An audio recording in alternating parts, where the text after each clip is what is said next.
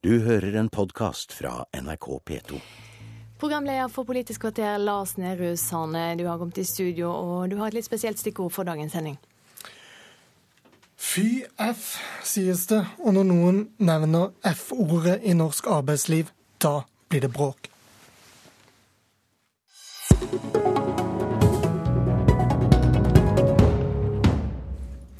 F for frontfag. Det hviskes om måten vi forhandler lønn på her i landet. Vårens lønnsoppgjør ble kalt skammelig. De overfylte søppelbøttene som ikke ble tømt da barnehagen var stengt. Du husker sikkert de to ukene. Mange streiket, noen lot være, andre fortsatte, mens flertallet gikk tilbake til jobb. I dag møtes partene i arbeidslivet til oppvaskmøte hos statsministeren. Velkommen i eh, studio her, Tor Arne Solbakken, nestleder i LO. Hva gikk så veldig galt? Ja, Det var vel en veldig dramatisk framstilling du eh, ga nå, men det er eh, klart at eh, den streiken, eller de streikene som var i offentlig sektor, har vel mange i ettertid sagt at burde vært unngått. Og det er klart at det var nok sånn at forutsetningene som lå i bånn her, ikke ble tatt helt ja, nesten si tatt helt på alvor fra arbeidsgiversida, og da kom vi i den litt eh, spesielle situasjonen. Det, det gikk gærent. Men derifra til å si at det blir oppvaskmøte i dag, tror jeg nok er å trekke det litt langt.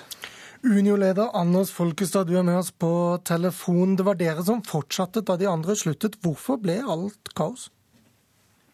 Da må vi huske på at det er ganske store spørsmål som er på bordet eh, i samband med et hovedtariffoppgjør både prinsipp og eh, penger. I staten så sleit partene med begge deler. Eh, og eh, sagt veldig enkelt så opplevde vi at staten var for gjerrig og brukte frontfaget på en urimelig måte for å sikre et moderat, med store bokstaver, oppgjør i sitt område. Det var tett på politikken, og der brukte regjeringa sine muligheter til å være tett på tariffoppgjøret de sjøl har hovedansvaret for. Ja, det er mye å ta tak i her, men eh, dette, denne frontfagsmodellen, som altså handler om at konkurranse innen utsatt industri skal føre an og forhandle lønn først, og så skal det danne malen for resten av oppgjøret. Hvordan påvirkes tiår med tradisjon og denne veletablerte modellen av at konkurranseutsatt industri har store oljeinnslag, hvor lønnsfesten jo ingen ende vil ta Solbakken? Det er jo sånn at eh, Konkurranseutsatt eh, industri har eh, lagt malen, og vi har hatt frontfagsmodellen nå i 45 år. og Den har altså gitt oss en fenomenal kjøpekraftsutvikling. Vi har høy sysselsetting, vi har lav ledighet, og produktivitetsveksten i ja, men du må, ha med deg, Du må ha med bakgrunnen litt. Produktivitetsveksten som har danna grunnlaget for lønnsutviklingen i privat sektor, har vi klart å overføre også til, til offentlig sektor. Og det systemet det baserer seg på en totalitet av industrien. og Der er jo også oljerelatert eksportindustri med. og eh, Det er en tredeling av norsk industri som er en utfordring for eh, lønn, også for lønnsdannelsen. Men eh, det er ingenting av det som skjedde i år som gjør at vi skal sette det systemet på spill, som har gitt oss den beste utviklingen i verden på alle disse områdene. Så vi skal håndtere det at det er sprik i lønnsevnen innenfor frontfaget. Det har det alltid vært. Den er kanskje litt større nå enn eh, en tidligere, men det håndterer partene. Ikke bare litt, vil noen si, men eh, Folkestad, dette høres jo bra ut? Ja, men det er ikke nok å si frontfag, og det er heller ikke nok å si historie og tradisjon. fordi at arbeidsliv eh, endrer seg, og dermed må også frontfaget tilpasse seg de endringene. Og Det er en hovedutfordring akkurat nå at eh, oljerikdommen skaper et eh, lønnspress i hele arbeidslivet. Og Det vil også være urimelig om oljesektoren i seg selv skal få stikke helt av fra resten av arbeidslivet. Forstår jeg, det dit, at, forstår jeg det dit hen, Folkets, at du vil flikke litt på denne modellen? Det kommer an på hva du legger i flikking, men det er helt opplagt at eh, frontfaget kan ikke bare være det første resultatet som blir eh, levert i eh, deler av frontfaget. Det må være hele eh, konkurranseutsatt eh, industri, både det som skjer sentralt og det som skjer lokalt. Både det som gjelder arbeidere og det som gjelder funksjonærer, som er den eh, normen, malen, for eh, resten av arbeidslivet. Og prøve å eh, isolere dette her til det enkeltresultatet som kommer aller først, slik somme, særlig på arbeidsgiversida, har prøvd på gjennom dette oppgjøret og tidligere, det holder ikke for framtida. Ja, men eh, så litt tydeligere, Folkestad. Hvordan ser du for deg at frontfagsmodellen kan endres? Altså bevares grunntankene, men, men endres for å tilpasse oljeøkonomien kanskje spesielt? Hovedsaken er at eh, vi er enige om at frontfaget det handler både om arbeider og funksjonær i eh, konkurranseutsatt industri. Så har eh, verken jeg, og jeg har heller ikke hørt mange som har det fasitsvaret på hvordan vi skal håndtere koblinga til olje. Men jeg mener at der ligger en utfordring for hele arbeidslivet. Olje, Lønnsutviklinga i oljesektoren bør tøyles. En kunne tenke seg å bremse på utvinningstaksten. Høres det ikke ut til at uh, det er det politiske uh, oppslutning om. Og Derfor så må det rett og slett et strammere uh, regime til når det gjelder forhandlingene på den sektoren. Ja, Nå ristes det veldig i hodet, her, nei, med hodene i studio her, det ser ikke du. Men Solbakken, er du villig til å ta hovedresonnementet, i hvert fall, at frontfagsmodellen må justeres fordi situasjonen og lønnsevnen er som den er nå? Nei, altså Det som eh, Folkestad sier her, at man skal ha med seg både sentrale og lokale tillegg. Man skal ha med seg både såkalte arbeideroverenskomster og funksjonærer. Det er frontfag i dag, det. Det ligger der i dag. Diskusjonen i offentlig sektor i det lønnsoppgjøret vi har bak oss, det var jo anslaget for hvor stor den lokale lønnsutviklingen ville bli, og det var der det først og fremst eh, bytta. I forhold til dette med olje, så er det viktig nå også å være klar over at eh, Oljerelatert industri nå er, leverer ikke bare til norsk sokkel. Det er i ferd med å bli en av våre største eksportartikler. Og Hvis man skal bremse ned den aktiviteten, så vil man altså bremse hele norsk eh, næringsliv. Så det er egentlig en helt umulig situasjon. og du kan ikke det at vi er så ledende på dette området, er jo fordi at vi har hatt en kontinuerlig kompetanseutvikling og innovasjon innenfor disse områdene.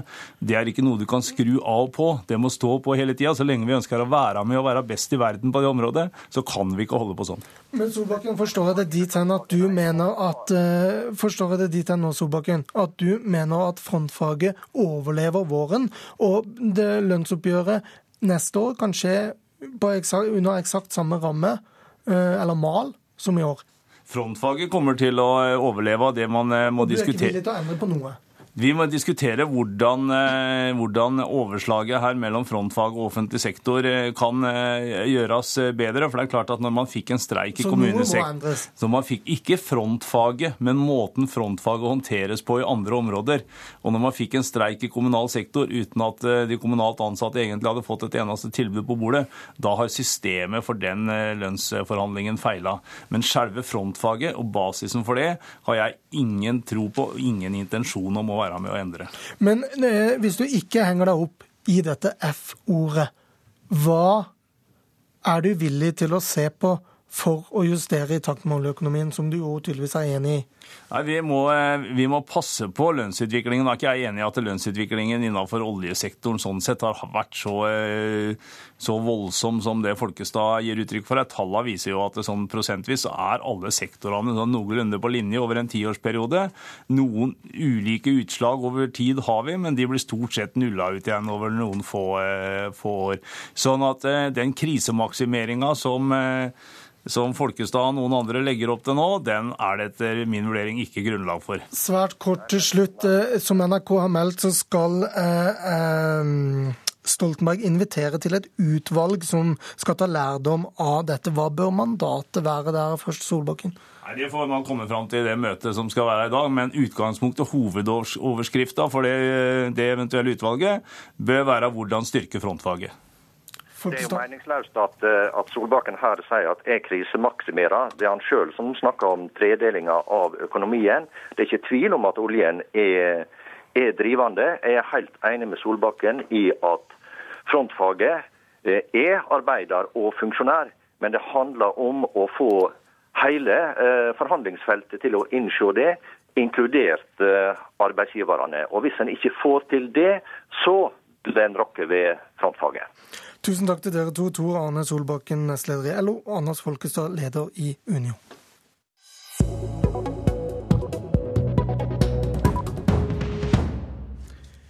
I dag holder Fremskrittspartiet sin strategikonferanse, hvor planene frem mot neste års valg skal legges. Og velkommen nestleder Per Arne Olsen. Takk. Hvordan ser veien til et Frp i regjering ut fra deres ståsted nå? Det ser jo egentlig ganske bra ut. Og da, da er vi over på det andre F-ordet i, i, Norge, nemlig Fremskrittspartiet. Eh, Gallupene peker eh, oppover, har gjort det i god tid. Hele borgerlig eller ikke-sosialistisk side eh, gjør det ganske bra. Men vi har hodet ganske kaldt. Galluper er galluper, og det er i valg sånt avgjøres. Så det har vært utromt mang en vinner et år før valget eh, mang en gang, og som ikke har vært vinnere etterpå. Så vi jobber trutt og fast for å eh, få høyest mulig oppslutning om Fremskrittspartiet, og på den måten få størst mulig innflytelse i en ny eh, ikke-sosialistisk regjering. Til det siste. Størst mulig oppslutning, mest mulig makt. Der er det en motsetning for dere, for dere kan jo få mest mulig makt ved å ikke bli så veldig mye større enn dere er nå, og la Høyre nærmest bli størst. Er ikke det riktig? Nei, jeg eh, tror ikke på den uh, skrivebordsteorien i den forstand. Jeg tror at uh, maktforhold i en regjering vil avgjøres både av hvor flinke vi er til å forhandle, men selvfølgelig av partienes størrelse. Og desto større Fremskrittspartiet blir, desto flere velgere som sier at de vil ha Fremskrittspartiet sine løsninger innen eldreomsorg, innen samferdsel osv., desto mer har vi å komme til forhandlingsbordet med. Men inntrykket etter 2009 er vel ikke at det er helt ubetydelig hvorvidt Frp er størst eller Høyre er størst? Nei, jeg hører noen sier det, og, og, jeg tror personlig at eh, det at det er likeverdige parter, eller noenlunde likeverdige parter i en, i en, forhandling, det er aldri vondt for en forhandling. Men eh, jeg vil minne om at Høyre også eh, ved sist valg hadde det standpunktet at de ønska en ny ikke-sosialistisk regjering, og da var de langt mindre enn oss. Så jeg tror verken Høyre, vi eller de andre borgerlige partiene bare ser på galluper for å avgjøre sånt. Vi jobber alle sammen trutt og fast for å få høyest oppslutning om vår egen politikk og eh, vårt eget parti. Og så er det det som igjen blir, er grunnlaget for de forhandlingene vi skal ta. Men en test, da vil dere angripe Høyre gjennom valgkampen og ha det som en hovedstrategi når dere klekker ut planen i dag? Nei, nå holder vi jo på å legge strategien. og jeg, er, eh, jeg beklager å måtte komme med en skuffelse. og Det er liksom ikke det er ikke her i NRK vi skal avsløre strategien vår. Den skal vi nok ha, ha, internt. Men det har aldri vært jeg kan si så mye som at det aldri har vært Fremskrittspartiets uh, strategi å hakke på andre. Jeg tror at Fremskrittspartiets løsning ligger i de utmerkede politiske løsningene vi har. Jeg er helt sikker på at en ny borgerlig regjering, hvis du skal få mer bygd vei i Norge, så betyr det at vi må ha et sterkt Fremskrittsparti i regjering regjering. Hvis vi vil satse mer på eldreomsorgen, at det ikke bare skal bli prat, ja da er vi nødt til å ha et sterkt Fremskrittsparti. Sånn kan vi ta sektor etter sektor, og det er det som er vårt mål. Og jeg tror, og Fremskrittspartiet tror, at vi når vårt mål best ved å være klare og tydelige på egen politikk. Men også der vil det være noen områder hvor vi er uenige med de andre borgerlige partiene. Men sånn skal det være før et valg. Vi skal proklamere vår politikk. Dere har invitert Karita Bekkemellem til å forklare hva det vil si å være et regjeringsparti, sitte i regjering, være statsråd. Et veldig naivt spørsmål kanskje, men hadde det ikke vært en anledning til å invitere noen høyere folk og bygge litt lagfølelse?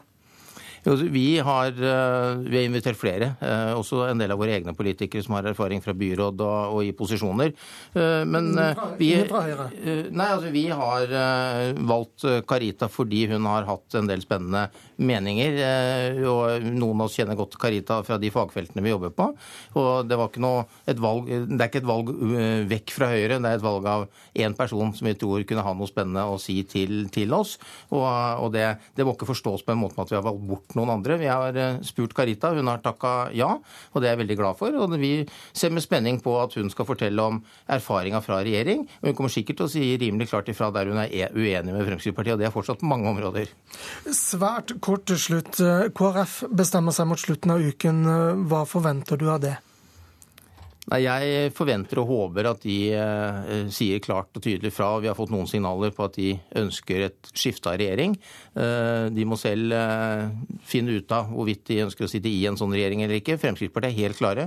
Vi inviterer alle de partiene eh, som er borgerlige og som sier at de ikke eh, ønsker eh, en videreføring av dagens regjering, til å være med i et samarbeid og la valgresultatet avgjøre hvor mange representanter vi, vi får. Vi ønsker alle med. Vi ekskluderer ingen. og det er vårt, sånn, klare, vår klare melding til alle de borgerlige partiene. Vi skal stå sammen om en ny politikk, eh, og vi, støtter, altså vi kommer til å kjempe for Fremskrittspartiets løsninger. Takk skal du ha, Per Arne Olsen. Det var et politisk kvarter med programleder Lars Nehru Sand. Nå fortsetter Nyhetsmorgen her i P2. Du har hørt en podkast fra NRK P2.